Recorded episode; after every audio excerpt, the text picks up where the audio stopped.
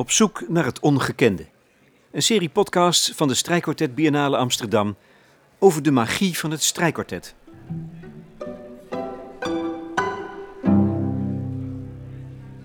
Dit is de zesde aflevering met Jasmin Hilberdink en Robin de Bruin, getiteld De Biennale. Het is een, uh, een, een vorm, een ja, platform, of een, een, je, creëert een, een uh, uh, tijd en ruimte voor iets wat je wilt aanbieden, waarvan je zelf zegt: Dit vind ik waanzinnig mooi, dit vind ik de moeite waard. En ik wil jou het verhaal vertellen. Kom. Je hebt een week de tijd. De hele dag kun je hier rondhangen, van één concert naar, het andere concert gaan. Je kunt lekker eten. Je kunt de muzici spreken, je kunt uh, het team ontmoeten, je kunt uh, gelijkgestemde mensen ontmoeten. Maak het mee. Ik heb op een bepaald moment gedacht, ik, ik sta daar... Het gebeurde twee jaar geleden voor het eerst. Een aantal van de beste strijkkwartetten ter wereld kwamen van heinde en verre naar Amsterdam voor een biennale. Het was nooit eerder vertoond en onmiddellijk een succes, een happening, een feest. Voor het publiek, voor de muzici en voor de organisatie. En nu komt de tweede biennale eraan, eind januari 2020. Ik spreek erover met de directeur Jasmin Hilberdink en de programmeur Robin de Bruin. Eerst nog even terugkijken. Wat is voor hen het gelukkigste moment van die eerste editie? Uh, dinsdagavond, heel laat, om half één s'nachts, ging ik nog langs het Lloyd Hotel, omdat het Emerson Quartet mij had gevraagd om langs te komen. En uh, ze vertrokken de volgende ochtend en wilden nog gedag zeggen. En op de fiets dacht ik, nou, ik doe dat niet. Ik ga gewoon lekker mijn warme bed in. Ik uh, ben moe. Dan dacht ik, nee, nee, nee, dat is absurd. Ik fiets daar langs. Ik moet gewoon naar binnen lopen. En toen kwam ik in de uh, toenmalige receptiehal of restaurant. Dat zag er toen heel anders uit. In het uh, Lloyd Hotel binnen. En zaten vier kwartetten door elkaar. Heel veel flessen wijn op tafel. Het was het Emerson Quartet, Cremona, um, Quiroga en dan nog één, ik weet niet meer welke, Doric misschien. En uh, Phil Setzer, uh, of all people, staat op, heeft het glas en zegt: Ja, um, I'm so proud of you. Oh. En ja, ik moet nu nog steeds huilen. Dat was het mooiste moment.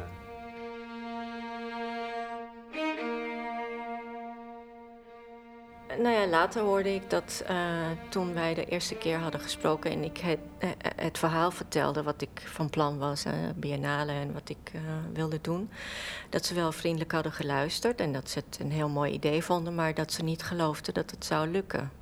Dat het te groot was, dat het ja, een te grote onderneming of ambitie was. En, maar ze zagen dat wel voor zich. Ze snapten wel wat ik bedoelde of wat ik voor ogen had.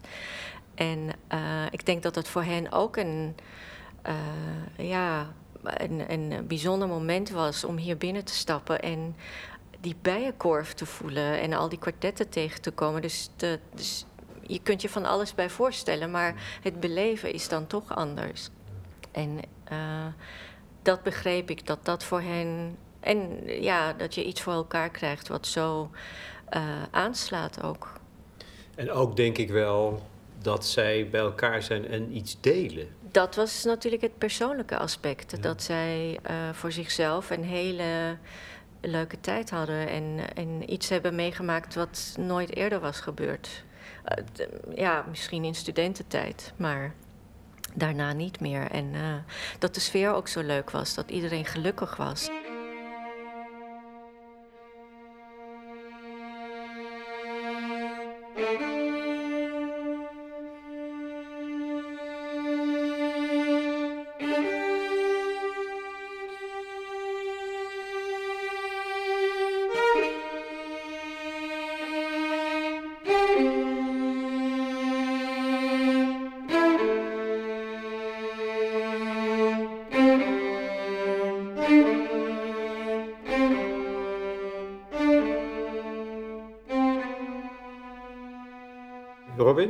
Jouw gelukkigste moment? Uh, dat is een heel ander moment, ook niet zo persoonlijk. Dat is tijdens het slotconcert. Uh, Danel speelde, Danel Quartet. En die speelde Tchaikovsky. En na het eerste deel, en normaal gesproken als iemand tussen de delen doorklapt, heb je die schaamte en dat en zo. En, dat, en de hele zaal, 750 mensen, gingen uit hun dak na het eerste deel. Het was echt schaamteloos, gewoon een soort explosie van energie. En toen dacht ik, ja, we hebben hier iets, iets gerealiseerd wat uh, de grenzen heeft doorbroken. Als ook kernpubliek, liefhebberspubliek, publiek dat normaal in die kleine zalen doet, hier compleet uit zijn dak gaat na een eerste deel. Want het was voor mij echt heel veel betekenend. En waarom gebeurde dat op dat moment, weet je dat? Na dat, op dat moment? Er moet, iets, er moet iets aan de hand zijn geweest. Nou, er zat al een enorme lading in de zaal. Gewoon, uh, volgens mij was Jasmin voorafgaand aan het concert het podium opgekomen. Uh, toch? En heeft iedereen bedankt. Het slotconcert, allerlaatste concert, was een waanzinnige week. Had al onze verwachtingen overtroffen. En er was al een soort enorm feestgevoel in de zaal. En dan heb je Danel Quartet, wat ook met zoveel energie speelt. En dan dat kwartet, daar zit zoveel energie in. En ja, het moest er gewoon uit. Het moest er gewoon uit. En het gebeurde. En iedereen liet zich gaan. En het was waanzinnig. En ze speelden waanzinnig mooi. Ja, dat, denk de dat bedoel ik nog ook maar even, toch? dat gebeurt niet zomaar. nou, bij hen wel.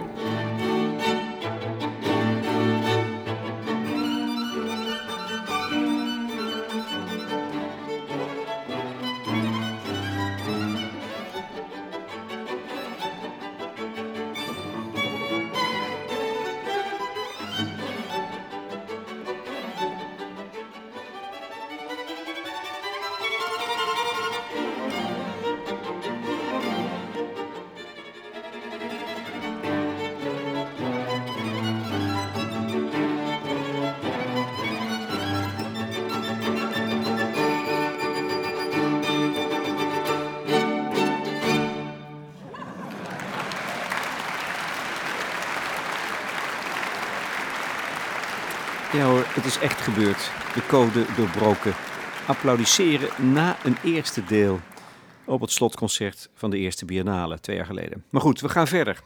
In de eerste vijf afleveringen van deze serie zijn het steeds de muzici geweest die aan het woord kwamen. In deze laatste podcast verleg ik het perspectief naar de luisteraar, de liefhebber. Hoe komt het toch dat je er voor een leven lang verslingerd aan kunt raken? Dat komt, denk ik, en ik begin zelf inmiddels ook al aardig verslaafd te raken door al die facetten die deze muziek heeft. Je kunt er op talloze verschillende manieren over praten. En dat ga ik ook doen. Tijdens de biennale trouwens. Elke ochtend is er na het eerste concert een coffee talk. Waarin ik in gesprek ga met de muzici over de psychologie ervan, de sociale dimensie of het spirituele of wat dan ook. In deze podcast gaan we niet nog eens de brochure doornemen van de aankomende biennale. Veel leuker om die verschillende dimensies te belichten.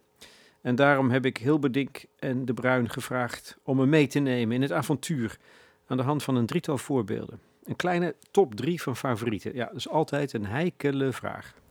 Of het is een momentopname. Ja dat, dat je denkt, oké, noem eens drie en dan uh, die die ik laatst heb geluisterd of waar ik me herinner, oké, vanochtend. Uh, die ga ik, die kan ik zo noemen. maar als ik een beetje langer over nadenk en echt iets wil betekenen of iets wil bewegen, dan kom ik vaak uit op wat ik voor mezelf noemde drie giganten. en dat zijn heel voor de hand liggende. Iedere liefhebber of kenner zal ze herkennen. Eh, ook op een eigen lijstje hebben misschien. Wat, wat is de eerste? Uh, Rosamunde Schubert. Schubert. Ja. Uh, Schubert sowieso, omdat ik half Weens ben. Dat is echt, uh, dat, dat, gaat door en door. Wat is dat? Wat is dat, half Weens? Uh, daar zit altijd een beetje verdriet in. weemoed, zeenzocht, uh, de dood. Uh, ja. leuke, leuke stad eigenlijk. Ja.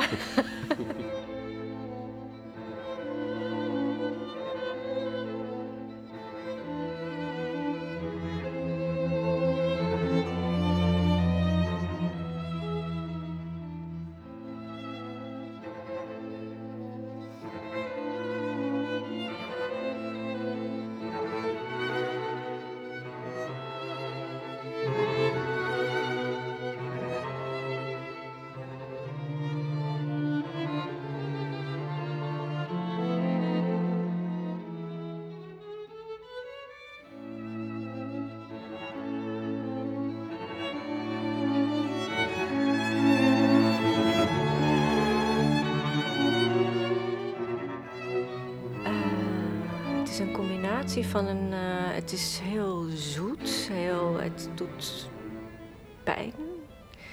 Ehm, en toch is het heel fundamenteel.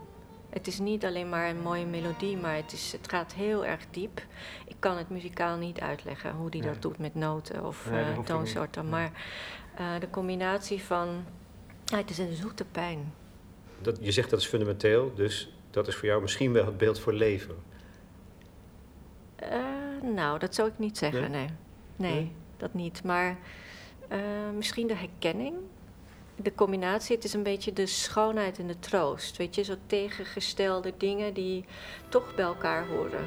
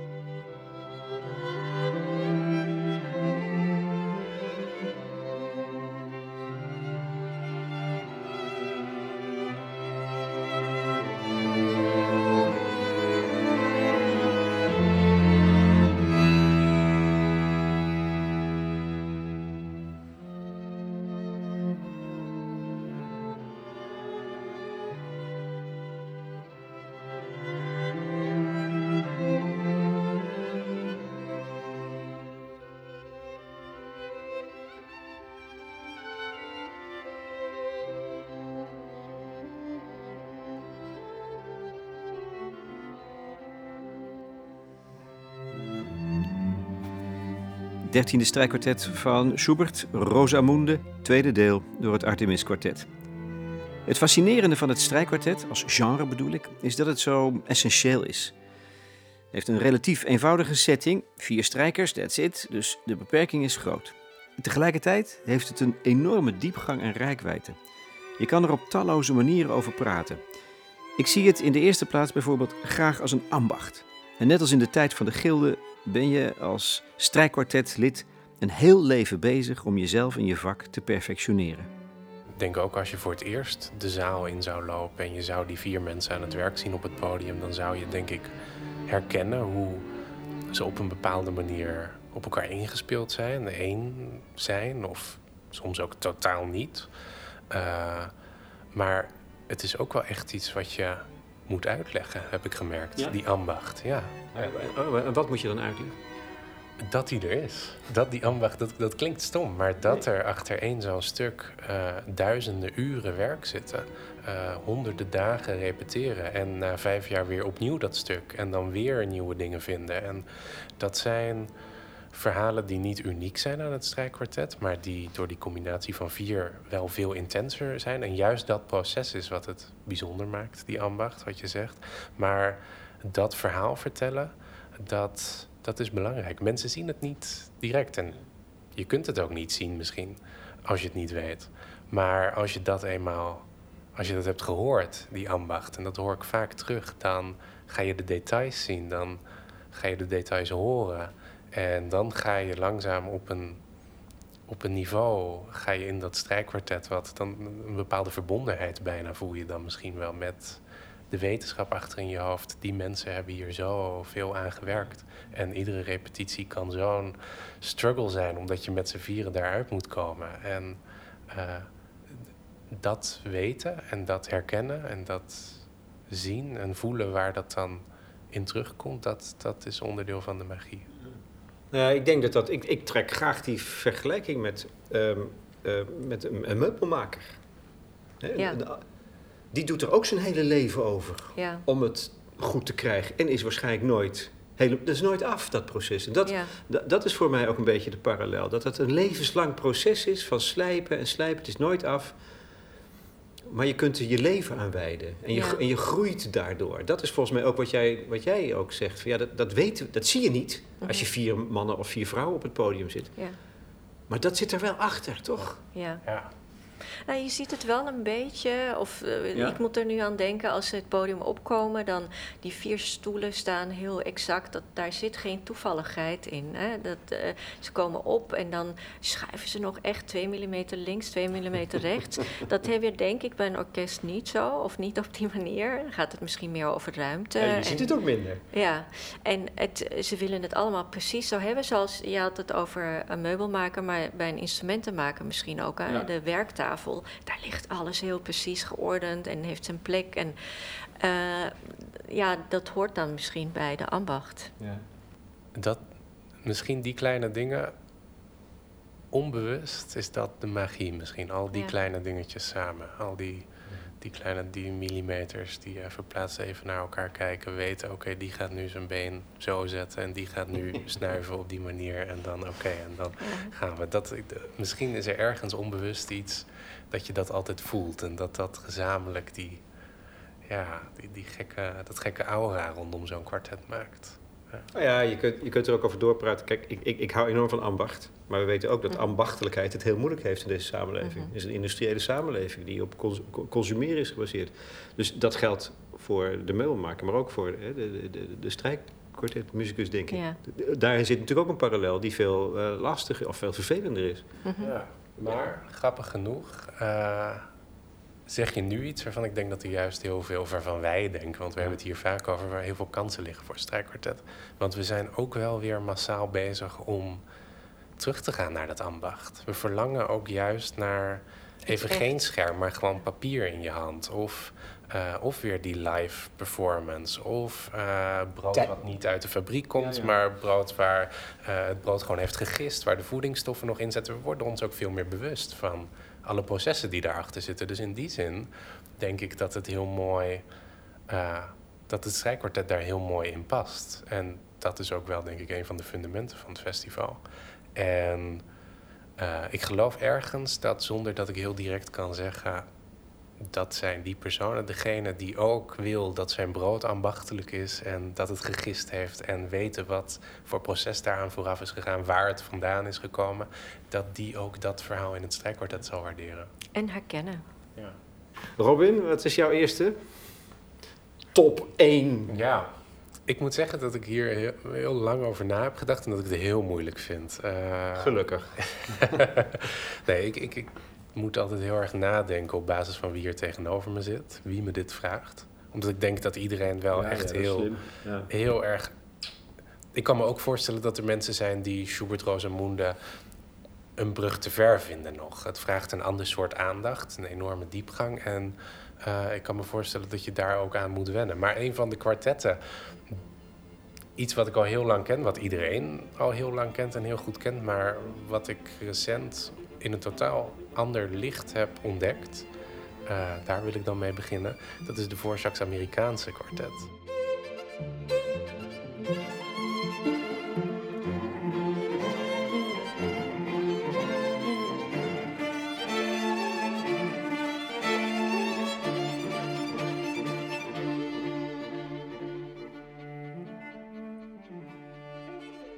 Dat kwartet heeft in een ver verleden eh, anders geheten. Niet Amerikaanse, maar Negro, of ik mag dit woord eigenlijk niet zeggen, Nee, maar nee, toen wel. nigger Ja. kwartet.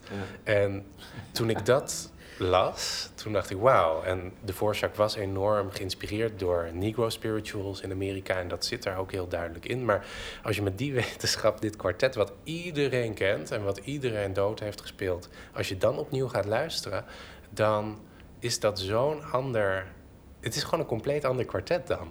Het is zo anders. En als je je voorstelt dat je nu een programmaboek zou publiceren. en je zou niet de Voorsax Amerikaanse, maar de Voorsax hm, de kwartet zeggen. Nou ja, hoe, wat voor impact maakt dat dan? En zeker als je het nog nooit hebt gehoord. Hoe, hoe ervaar je dat dan? Dus sindsdien kan ik er totaal niet meer hetzelfde naar luisteren. En als ik dit verhaal vertel aan mensen, merk ik wel, dat vinden ze fascinerend. Het is zo actueel ook op een bepaalde manier. En opeens krijgt het een enorm zware, beladen context. Wat, wat moet je met zo'n geschiedenis? Moet je daar iets mee? Mijn eerste instinct was: hier moet ik iets mee. Maar wat moet ik ermee? En dat, dat blijft me bezighouden. En, en het is gewoon voor mij een heel mooi voorbeeld over hoe het. Uh, uh, zelfs een van de kwartetten waar ik daarvoor eigenlijk het meest van walgde. Uh, omdat je het gewoon zoveel hoort in zoveel contexten waarvan je denkt: ach, echt nee. Dus zo, ja, 180 graden gedraaid.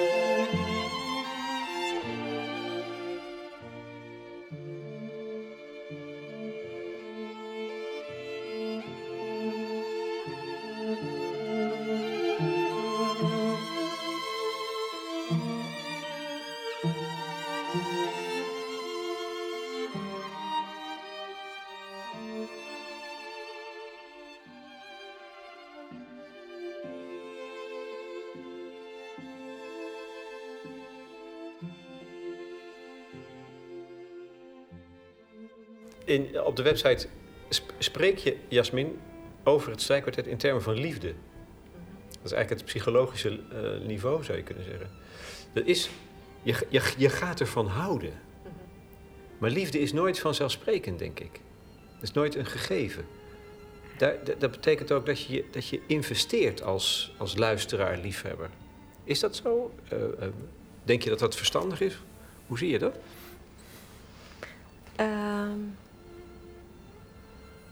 Je hebt liefde op het eerste gezicht. Dat overvalt je. en dan heb je liefde die naar binnen sluipt. En uh, voor mij was het waarschijnlijk het tweede met het strijkkwartet. Dat ik het uh, heb gehoord en dan uh, weer gehoord en nog een keer. En dan onthoud je stukjes of denk je, oh, dat was best mooi. En, en toen had mijn werk ook daarmee te maken. En toen moest ik sowieso heel veel naar strijkkwartet luisteren. En uh, ja, dat heeft zich soort van in mij uitgebreid. En uh, totdat ik op een bepaald moment dacht: dit is eigenlijk wat, waar ik het meeste van hou. Waar ik, als ik s'avonds naar huis kom en ik wil nog muziek luisteren, dan is het uh, ehm, 9 van de 10 keer dat ik een strijkkwartet opzet. Ja. En ehm, het maakt me gelukkig. dat is dan nog liefde. uh, en je kiest ervoor. En uh, je vindt niet alles mooi, zeker niet. Um, en uh, je wilt je daarvoor inzetten. Je blijft trouw. Wat hoort nog bij de liefde? um, blijkbaar is het ook wederzijds. Ja. Door de biennale nu. En dat is ook een beetje waar het over gaat. In de echte liefde is dat iets wat bijna tijdloos is, maar zich ontwikkelt. Toch? Ja, begrip inderdaad ook. Dat je steeds meer uh, dingen ziet, dingen herkent. Um, dat het je voortdraagt ook. Dat, dat je kunt overgeven en uh, dat je meegenomen wordt in dingen. Um, nou ja, we beschrijven eigenlijk het proces van steeds dieper gaan in de liefde. Ja, ja.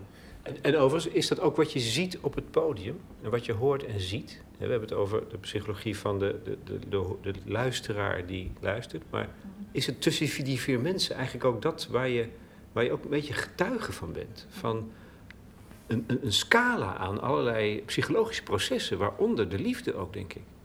Ja, het zien van, van de interactie ja? of het live meemaken van een concert draagt zeker bij aan, uh, aan het begrip. Ja? Daar hou je van, om ernaar te kijken, ja. om het te lezen, om het spel te lezen. Ja.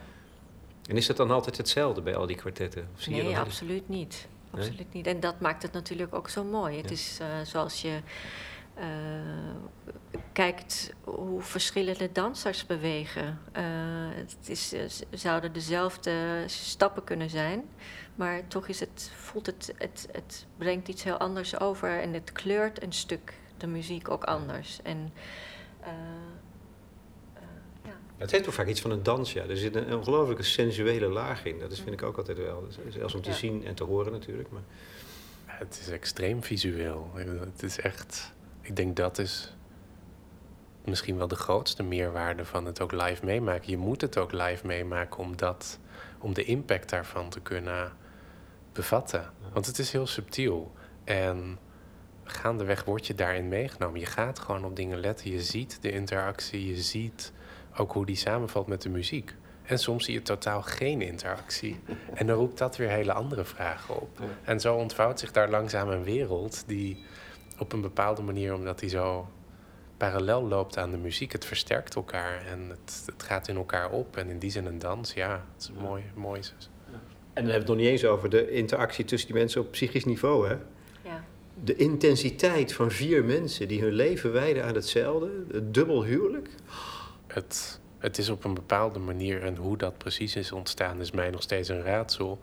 Maar het is zo gegroeid dat deze vier mensen nu nog steeds besluiten om dit te gaan doen. En gewoon een leven lang met elkaar uh, iedere dag in het vliegtuig zitten, in hetzelfde hotel, s'avonds op hetzelfde podium en dan weer in de kleedkamers die veel te klein zijn. En ja, het is gewoon onderdeel van die magie. En als je dit aan mensen vertelt, iedereen kijkt, kijkt je ook aan van wauw, waarom zou je dit doen? Waarom, maar waarom zou je dit doen? Maar tegelijkertijd dan hoor je de muziek en dan oh ja, oké, daarom. En ja, het is voor mij in ieder geval echt onderdeel van die fascinatie. Maar het roept vooral vragen op bij mij ook. Juist die, ja, waarom doe, hoe, hoezo doe je dat jezelf aan? Als je die podcast met Hélène ook hoort, als iemand dan uit het kwartet gaat en dat je dan met z'n allen zit te huilen en, en moeilijk alsof je een broer verliest. Jezus. Waarom, waarom kwel je jezelf zo? Vraag ik dan een onderdeel van het kunstenaarschap misschien. Heel romantisch gedachtegoed. Maar uh, ja, ik vind dat extreem fascinerend. En dat houdt me echt. Uh, dat kan me echt bezighouden. Die vraag: waarom doe je dit? Ja. Jou ook of niet? Of jij vindt het vanzelfsprekend? Nou, het houdt me wel bezig en ik vind het ook heel spannend en mooi. En ook uh, mooi om de verhalen te horen. Maar nu ik ons zo hoor praten, dan denk ik, hoe zat dat bijvoorbeeld bij de Beatles? Of bij de... Nou, die hebben het niet zo lang volgehouden. Een jaar of vier, toch? Maar Extreem kort. Dan anders, weet je. Wat is het? Het is misschien niet zo ambachtelijk en uh, het is wat losser allemaal bij een bandje. Maar uh, ik kan me voorstellen dat daar vergelijkbare dynamieken zijn.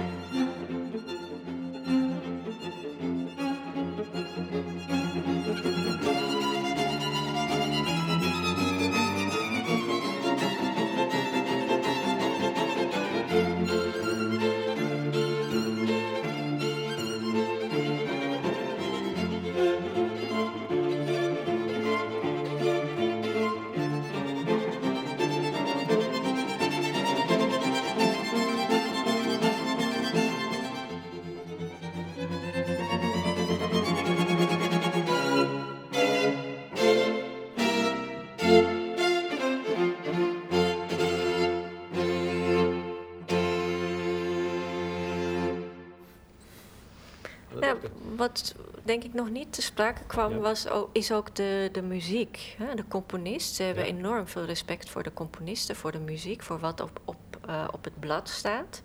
Er zijn ook eindeloze discussies over die, uh, ja, waar iedereen het ook, denk ik, moeilijk mee heeft om dingen te interpreteren, maar ook om uit te komen. En um, dat, dat je die spagaat tussen je eigen gevoel voor de muziek en dat wat daar staat, maar ook wat die andere drie daarover zeggen, dat lijkt me echt een onmogelijke oplossing. Ja. Strijd, gewoon eigenlijk voortdurende strijd of spanning op zijn minst. Ja, je voelt je verantwoordelijk voor, uh, of je hebt dat, dat, dat, die heiligheid van, van nou ja, heiligheid, nee, weg, wegstrepen. Ja. Maar de, de hoge inzet, zou je kunnen zeggen. Ja, nou, de, de, de, de componist die je ook Um, ja. Daar wil je aan voldoen. Maar soms kun je hem niet vragen of haar niet vragen hoe heb je dat bedoeld. En dan moet je met z'n vieren uitkomen, maar toch heb je een eigen gevoel daarbij. En waar zit dat dan? Waar, hoe zoek je dat op? Hoe communiceer je dat? Ik, ik vind dat. Uh, ja. ik bewonder dat enorm dat ze dan toch met elkaar spelen. Twee, wat, is jouw, wat staat uh, na, na, dat uh, verdoemde Amerikaanse kwartet van uh, Dvorak nu op het programma? Mm, ik kwam op Shostakovich. En dan... Ah, het is stom. Ik begin bij alles van Shostakovich. Het is niet helemaal waar, niet alles. Maar Shostakovich weet altijd iets in mij te raken. Wat zo... en dat was heel sterk tijdens het vorige festival. tijdens de Impossible Voyage. Waar vier of vijf kwartetten van Shostakovich zijn gespeeld, denk ik. En de concentratie was zo enorm. En ja, het is misschien ook omdat je zijn verhaal een beetje kent, maar je voelt gewoon de worstelingen in die muziek en hoe die daar een stem aan weet te geven. En soms de complete, totale, oppervlakkige ironie en dan weer die waanzinnige, uitgestrekte monologen die hij voor een eerste viool schrijft. Het gaat zo alle kanten op, maar op een of andere manier weet het mij altijd zo diep te raken. Maar ik ken zoveel mensen die zeggen: Shostakovich, gadver, nee, ik ga er echt niet aan beginnen. Eindeloos. Dat kan ik me ook voor. Te zwaar of zo, te, somber. Altijd moeilijk, mm. altijd. Hè, waarom moet het altijd zo? Maar op een of andere manier raakt mij dat enorm. De worsteling, het menselijke. Ja, en dan op een bepaald... Hij weet er door wat het strijkkwartet is, misschien zoiets moois van te, hoe die soms één stem minutenlang de ruimte geeft om iets, ook eigenlijk dat compleet ondemocratisch op een bepaalde manier, hoe die daarmee breekt en dan weer toch die democratische, dat vier, die eenheid erin terugbrengt en dan weer, dat, dat versterkt dat enorm. Er, zit een soort, er zitten meerdere worstelingen in.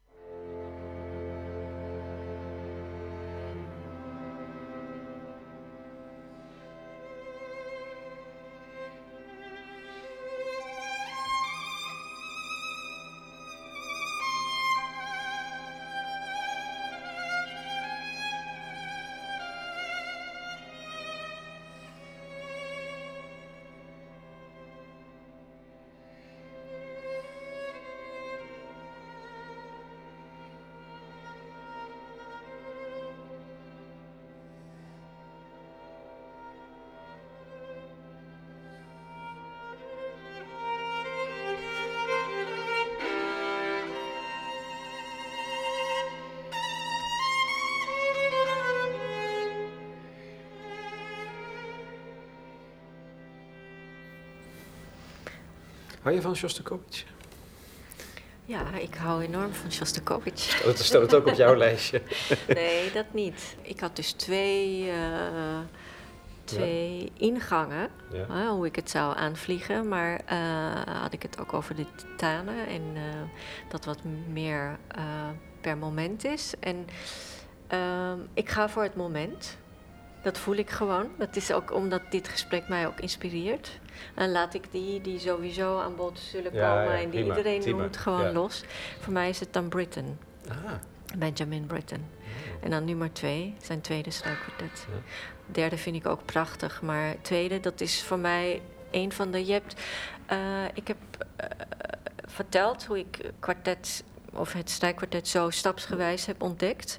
En dat ging gewoon zo dat ik het dat ik bij een concert iets hoorde wat ik nog niet kende en dacht, wauw, dat is mooi. En dat heb ik dan onthouden en eh, telkens weer gehoord. En, eh, of ergens in, eh, op de radio. En Britain was ehm, een heel mooi verhaal. Een oud collega van mij die gaf mij een opname die hij enorm koesterde van het Magini kwartet. Hij zei, dit moet je luisteren. En eh, ik hoorde het en ik was echt eh, meteen. eh, ik, ik vond het zo. Dat transparante en dat is iets wat, wat ik bij Britten heel erg mooi vind en bij geen andere componist zo voel, is de, dat tegelijkertijd aanwezig zijn van scherpte en bepaalde zelfs schelheid soms en urgentie. En tegelijkertijd is het zo licht en zo doorzichtig en zo transparant. En dat snap ik eigenlijk niet, hoe dat kan. Uh, als, als ik dan daarnaast Schubert leg, ja, die is gewoon echt vet. Dat is, uh, dat, dat is zo zwaar, dat weegt ja, enorm. Ja. En uh, ook al is het een luchtige melodie, het is nooit transparant. Of, ja. dat, is het, dat is het wonder van muziek, vind ik vaak. Hè? Dat, dat die, zoals jij het nu ook weer prachtig onder woorden brengt, dat het die ambivalentie mm -hmm.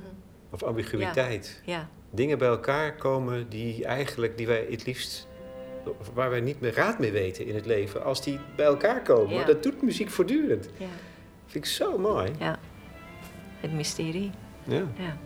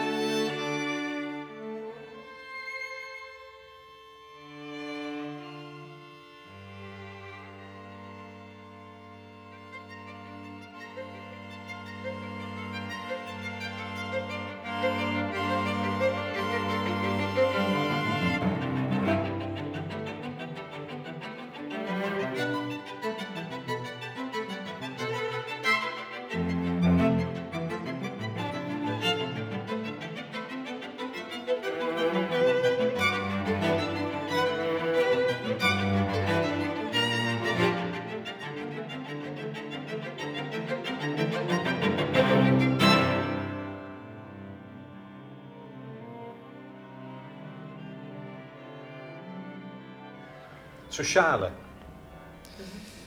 Hoe zien jullie dat? Het strijkkwartet anno 2020. De, de, ik denk dat dat best een lastige kant ervan is. Maar gelukkig zijn er vandaag de dag juist heel veel componisten die, denk ik, hele mooie, hele begrijpelijke muziek schrijven. Die heel erg aansluit bij de maatschappij van vandaag. Juist voor strijkkwartet. Die componisten hebben grappig genoeg vaak ook een band met strijkkwartet. Merken we ja. als we met ze spreken. En dan denk ik aan Carolyn Shaw, die toevallig ook mijn derde keuze was. ja. Jou ook? Ah. Maar we moeten nog kijken of het hetzelfde stuk is. Ja. ja. Maar dat vind ik wel interessant. Dit. Dat weten jullie niet van elkaar. Nee, heel goed. uh, maar... maar ligt is, kun je het nog toelichten dan? Ja, ik, ik denk... Kijk, we horen overal muziek tegenwoordig. Dat is, niet, dat is ook het mooie tegelijkertijd. Kijk je een film, dan hoor je muziek. Kijk je een reclame, dan hoor je muziek. En daar men is best veel gewend daardoor. Men kan ook heel veel aan. Dat is niet allemaal mooie uh, Heideneske-achtige melodietjes of weet ik wat. Dat kan ook gepiep en geknarst zijn, weet ik het wat. Maar de context maakt dat mensen dat gewoon heel anders zien. Er zijn zoveel componisten die zich daar heel bewust van zijn en die gewoon weten hoe ze daarmee om moeten gaan en hoe ze al die verschillende talen waar we eigenlijk heel goed aan gewend zijn, samen kunnen brengen in iets wat heel begrijpelijk is, heel mooi en heel veel zegt. En als je het omdraait, zo van we leven in een tijd met een bepaalde cultuur tussen mensen. Kan de cultuur van het strijkkwartet eigenlijk, heeft het iets te bieden aan de samenleving, zou je kunnen zeggen? Iets wat, wat daar eigenlijk aan ontbreekt? Ja, ik denk dat wij allemaal naar hunkeren. Sommigen bewust. En bij sommigen zou ik zeggen, de huisarts moet ze dat uh, voorschrijven, dat ze naar een concert gaan. Want? Want wat geeft het dan aan, aan, aan ons mensen in deze geatomiseerde samenleving? Je had het over bezieling. Uh, maar stilte, rust. Um, je tunt in iets in wat, uh, wat de ruimte creëert in ons volle hoofd en uh, volle bestaan. Um, het geeft je geluk. Muziek is iets ja. moois.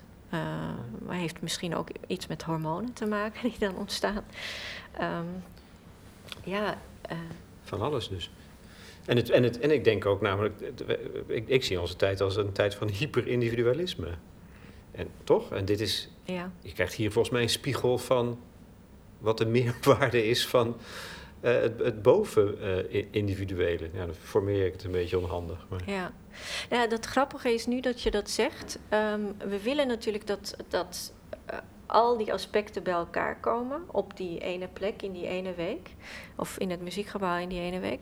Um, al die mensen die op welke manier dan ook uh, het leuk vinden of uh, spelen of uh, nieuwsgierig zijn. Um, en tegelijkertijd is het heel vrij. Dus het is niet zo van, en als je daar komt, dan moet je dit zo doen, of je moet je zo gedragen, of je moet dit al weten. Het is juist die, die, die, uh, of dat is waar wij het vaak over hebben. We willen de dingen ook heel open laten. Uh, je wilt wel dingen aanreiken en. Um, je, je wil een plek creëren waar iedereen op zijn eigen manier kan luisteren. Want luisteren is ook gewoon ontzettend individueel. Als ik denk wat een goed concert, goed strijkkwartetconcert met mij doet, dan ik ben niet iemand die s'nachts wakker ligt van allerlei gedachten, niet s'avonds. Mijn hoofd is 9 van de 10 keer leeg. In een goed concert denk ik aan één stuk door over allerlei dingen. Ik weet niet wat dat. Andere mensen zullen zeggen: ik ben altijd druk in mijn hoofd en tijdens een concert ben ik helemaal zen. Bij mij is het precies omgekeerd. En het is alleen als het goed is. Als ik echt helemaal ervan geniet, dan drijf ik weg en dan gaat mijn hoofd op hol. Dan denk ik van het een aan het ander. En het maakt dus iets in je los. Het zet processen in gang die ik denk wel nodig zijn. Maar het is voor iedereen anders. En die ruimte moet je, dat is wat jij bedoelt, denk ik, die mhm. ruimte moet je bieden, dat iedereen dat ook kan ervaren. Shaw, wat, eh, wat was het van Shaw, wat je wil laten horen? Um, van Caroline Shaw, Entract. nou ja, goed. Nou ja, dat geeft niet. hetzelfde als Robin, maar... Ja, um, ja hetzelfde? Ja, ja, hetzelfde. Nou, het staat op een cd waarvan al haar, al, het is alleen maar werk van haar door het Attica Quartet en al die stukken zijn waanzinnig. Maar goed, je kiest allebei voor Antract. Ja, en het, is, het verbaast me niet. Uh, we hadden het denk ik allebei kunnen bedenken dat de ander dat zou doen. ja. maar je had het uh, net ook over schoonheid. Hè? Dat, dat iets terugkomt van de, de behoefte naar uh, schoonheid, zachtheid. Dat voel je ook in de muziek. En dat is bij haar met name, vind ik uh, het heeft substantie, het, het is eh, geen oppervlakkige, simpele muziek. Uh, het is ook toegankelijk, maar toch is de, het, voor mij het belangrijkste element dat, dat ze durft mooie muziek te schrijven.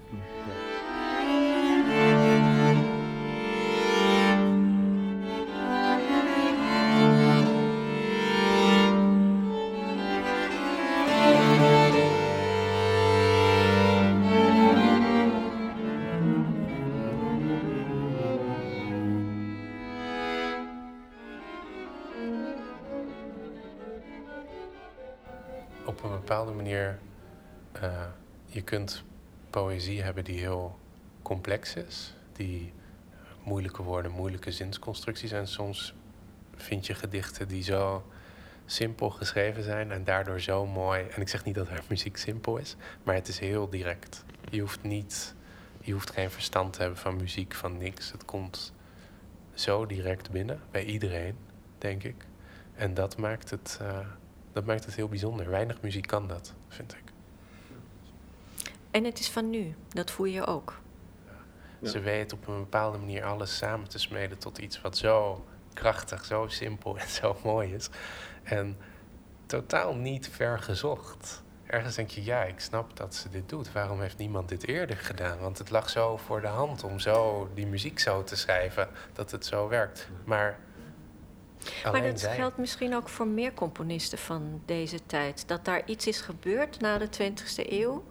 Ehm, dat iets nu ook in de lucht ligt op een bepaalde manier. Dat dingen verteerd zijn en, en verwerkt zijn en afgesloten zijn. En dat is nu klaar.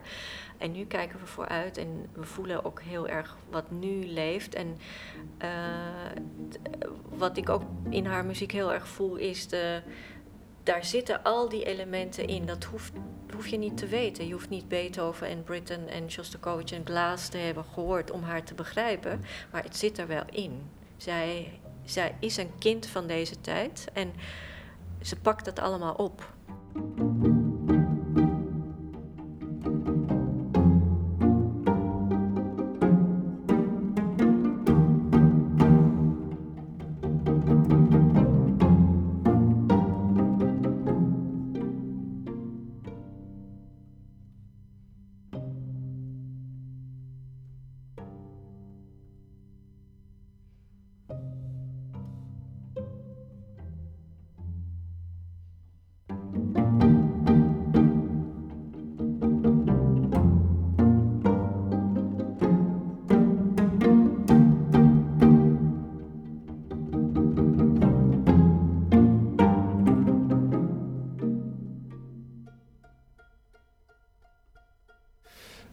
laatste ding stel ik toch nog even aan de orde.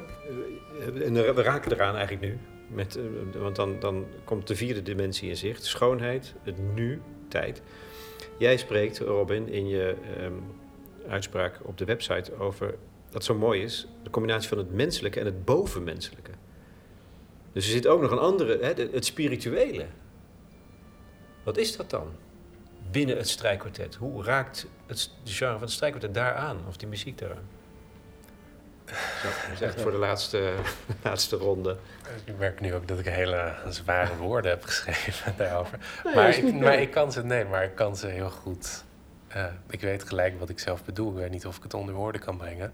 Maar ik denk dat het spirituele heel erg in die muziek zit. En in het feit dat we dat in de loop der tijd allemaal hebben geaccepteerd op een bepaalde manier. Allemaal hebben bevestigd dat dat er ook in zit. Het heeft zichzelf bewezen. We weten dat componisten niet zomaar noten op papier hebben geschreven voor het strijkkwartet. Dat ze met hun filosofische en emotionele kwesties hebben geworsteld om tot die noten te komen.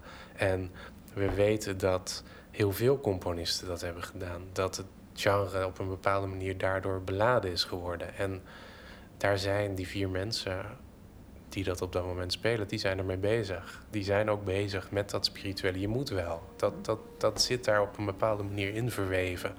En tegelijkertijd zie je die menselijke component, dat is ook dat visuele. Hm. Je ziet het voor je. Je ziet hoe ze daarmee bezig zijn. Je ziet hoe ze het aan elkaar overgeven. Je ziet hoe ze samensmelten of zich van elkaar wegdraaien. Of doen wat de muziek vereist. Of soms misschien meer geven dan de muziek vereist. En, waar de muziek hen naartoe brengt.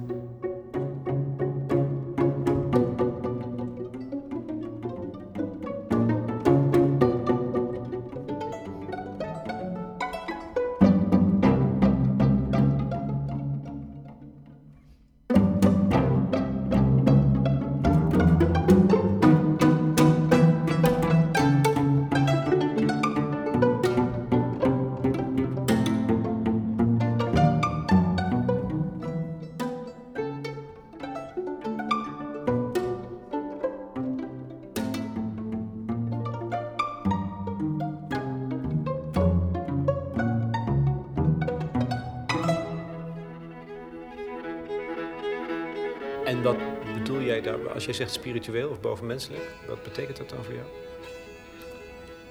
In ons festivalboek nu staat een essay van Mark Steinberg van het Brentano kwartet over de Beethoven kwartetten. En die schrijft heel mooi, ik weet niet precies over welk stukje het is, maar ergens in de late Beethoven kwartet, dat de eerste viool uh, Beethoven worstelt met de retoriek van wat kan ik zeggen met muziek en wat kan ik niet meer zeggen met muziek. En hij drukt dat op een bepaalde manier heel letterlijk uit door de muziek zo ver te pushen, door dat, dat, dat de muziek zichzelf niet meer kan vinden eigenlijk. De muziek wil iets zeggen, maar kan niet meer de middelen vinden om het te zeggen. En Mark Steinberg zegt, wat voor een waanzinnige paradox is dat? Dat datgene wat wij verwachten van muziek, namelijk dat het meer kan uitdrukken dan wat wij met woorden kunnen, dat dat in die muziek van Beethoven niet meer lukt. Dat zelfs daar de grenzen bereikt worden. En je voelt dat componisten daar. Schoenberg deed het ook in zijn tweede kwartet, in een kwartet. Hij, hij zoekt naar. Hij, dat, dat kwartet wordt gewoon als medium gebruikt om hiermee bezig te zijn. De, de grens van wat menselijk is, zelfs. Ja, en waar we misschien wel aan kunnen denken, maar hoe we dat vertalen in woorden of in muziek. En, en misschien juist hoe mooi dat we dat op een bepaald punt niet meer kunnen. Ik, ik uh, weet eigenlijk nu niet meer wat ik moet zeggen na deze mooie voordracht. En, en dat uh, beaam ik ook. Ik dacht eigenlijk meer aan het element van tijd. Dat je inderdaad, als je van muziek houdt, of het nou strijkkwartet is of niet, dat je daar, de, om het mee te maken, moet je daar zijn. En dat duurt. Dat duurt momenten of uren of wat dan ook. En uh, dat is ook bijvoorbeeld gebeurd bij de Impossible Voyage. Uh, dat programma dat we in 2018 hadden, dat zes uur lang duurde. Zes uur puur muziek. Met Shostakovich, Britten en uh, Beethoven. En we wisten allebei niet wat er ging gebeuren. Of mensen gek weg, weg, zullen lopen, of dat je in slaap valt, of dat, je, dat het je verveelt. Maar dat in het diepe duiken en dat alles loslaten, dat de tijd vergeten als het ware. En ik denk dat dat met de muzici ook gebeurt. Uh, als ze spelen, dat je losraakt van alles wat om je heen zit. Dat is voor mij dat spirituele element. Ja. Dat is geen trance, het is niet uh, iets, uh, een kick of zo, maar het is wel iets wat, wat bijna lichamelijk gebeurt. Um, er zijn in het moment? In het er moment zijn. zijn. of helemaal losraken van ja, alles. het lijkt op mediteren, dus denk dat, ik. Hè? Ja, dat, daarmee vergelijk ik het ook vaak dat je eigenlijk aan de ene kant heel erg in het, uh, ja, in het bewustzijn gaat, aan de andere kant ook helemaal loskoppelt. En ja, we weten hoe moeilijk dat is. maar ik denk dat muziek daar een heel mooi medium voor is. En de eenvoudigheid van het strijkkwartet. Dat je niet een bombastisch groot orkest voor je hebt of een pianist die. Uh, uh, nou ja, waar het ook heel erg over gaat. Uh, bij een koor zou je dat natuurlijk ook kunnen hebben, weet ik niet. Maar voor mij is het dat in de vorm van het strijkkwartet.